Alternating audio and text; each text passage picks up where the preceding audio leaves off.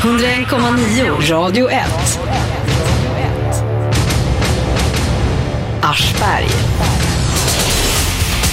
Ja, minnesgoda lyssnare minns ju att Shabbe och jag var i Göteborg och sände torsdag till fredag i förra veckan. Vi var på mediadagarna i Göteborg och sen på fredag var det då det här årliga grävseminariet, Gräv 2013. Det är en slags eh, vad ska vi kalla det för? Eh, ja, för grävande journalister. För grävande journalister. Ja.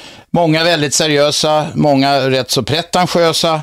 Eh, och det delas ut priser och allting. Många, jag skulle säga att alla priserna jag såg verkar alla ha varit guldspadarna då. Väldigt välförtjänta. Stora, tunga journalistiska jobb.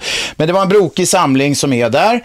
Och det är ju samtidigt ett, lite grann ett slags forum för inbördes beundran. Vilket man mycket väl kan ha. Det har vi i radiobranschen och i tv-branschen också. Så det är inget konstigt med det. Vi hade en gäst där som hette Mariam eh, Kirollos. Eh, hon kom från Egypten. Hon var med om den här eh, eh revolutionen. Hon stod och twittrade från Tahrirtorget, ni vet det här som centrum i Kairo där. Eh, och rapporterade så gott hon kunde i sex veckor tror jag eller någonting. Hon, hon stod där. Men hon hade en, som jag tycker, rätt svidande kritik mot synen hos delar av människor i väst, om vi kan använda det uttrycket, synen på det som hände. Det har nämligen kallats för Twitterrevolution. Den här Twitterrevolutionen i eh, Egypten. Hon säger att det finns 130 000 eh, människor som använder Twitter i Egypten av en befolkning på 22 miljoner. Och då kallar vi det här för Twitterrevolution. När hon säger att de flesta som gick ut, många av de som gick ut och gjorde revolution i Egypten, de kunde inte ens läsa. Fortfarande kallas det Twitterrevolution här i vissa sammanhang och det är, om vi ska kalla det för ett eurocentriskt perspektiv, det är i alla fall kråkvinklat så det stänker om det. Det beror på att den här eh, alla som använder Twitter tillhör den inte, men det finns någon slags elit som alltid i alla lägen måste omedelbart deklarera för hela världen att de har rätt med stort R. Se här i det här drevet, jag har den rätta åsikten och det är jättebråttom. Det betyder att alla de här, de tror att det är Twitter som har lett till den arabiska våren om jag ska hårdra det lite grann. Och det är ju så jävla snävt perspektiv som man undrar om det är Tommy Bolén som det heter, hette förr i världen i, i Stockholm, Tommy Bollen en annat uttryck. På den här grävseminariet på vad var det på fredagskvällen, Shabbe? Ja, det var på fredagen. Ja, just det.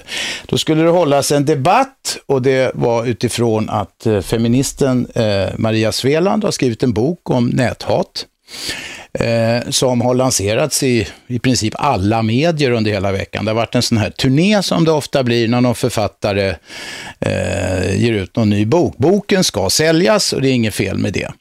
Men eh, i alla morgonsoffer, alla program, överallt så presenteras då författaren och den här boken. Näthat har ju varit ett aktuellt ämne, till och med i vårt lilla program.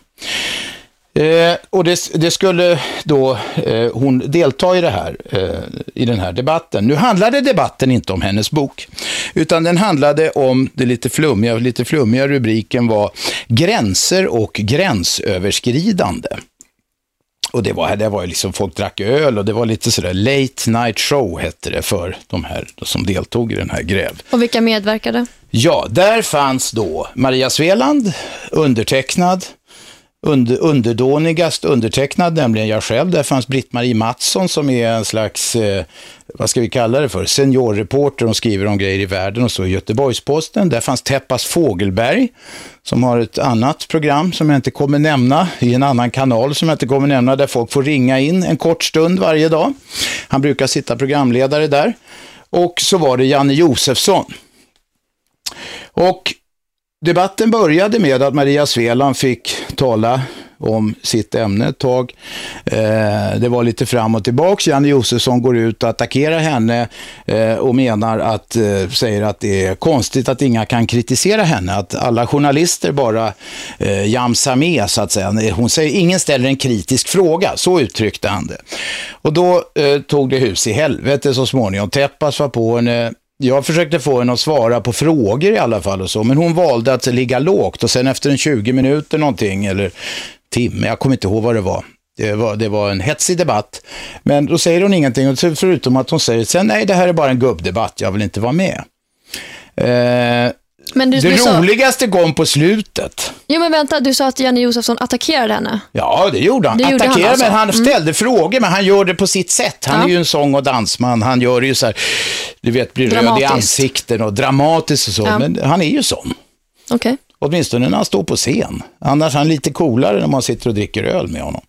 I alla fall, i alla fall så hände det roligaste på slutet, för då kom det några, det var som på den gamla vänstersekttiden ungefär. Någon kom och tog en mikrofon och sa, är det rätt, ska det här få, det här råkar vara 8 mars, ska det få vara på kvinnodagen så att alla sitter och attackerar det här och det är gubbslem alltihopa. Då blir Britt-Marie Mattsson rasande, du ska inte förminska mig, skriker hon till henne. Och jag börjar skratta för jag tyckte, ja, situationen blev ju rätt komiskt. Eh, och, Och program, personen- hon Sara, Sara, vad fan heter hon i efternamn, ett dubbelnamn, jag kommer inte ihåg det, som var debattledare. Wallin, va? Ja, men hon har dubbelnamn. Ja, Mm. det spelar ingen roll. Hon är en känd figur. Man ska känna igen, det är bara huvudet för mig som inte funkar som det ska. Eh, ni känner igen henne både till utseende och röst. Från eh, Sveriges Television, Göteborg tror jag hon jobbar på. Eh, eh, hon blev ju också lite putt. Jag menar, det var tre män, tre kvinnor på scenen. De kallar alltihopa för gubbslem. Det intressanta med det här, det, det, det här är ju en pseudohändelse. Men det var så mycket bråk sen på festen mellan olika falanger om det här. I journalisteliten alltså. Allting började på Twitter. Här blev det då eh, eh, en liten, liten krusning i ett vattenglas. Blev Ja, du, plötsligt man en kan- full jävla storm i ett vattenglas. Ja, och det var Sofia Mirjamsdotter som twittrade ut där. Ja, det och, var det. eh, Och sen tog det, scen blev ett sånt riktigt sånt drev där alla plötsligt ska visa att de står på den rätta sidan. Och nu skriver varenda jävla tidning om det, alla ger sin version av det. Det, måste, det kan ju jag också göra då.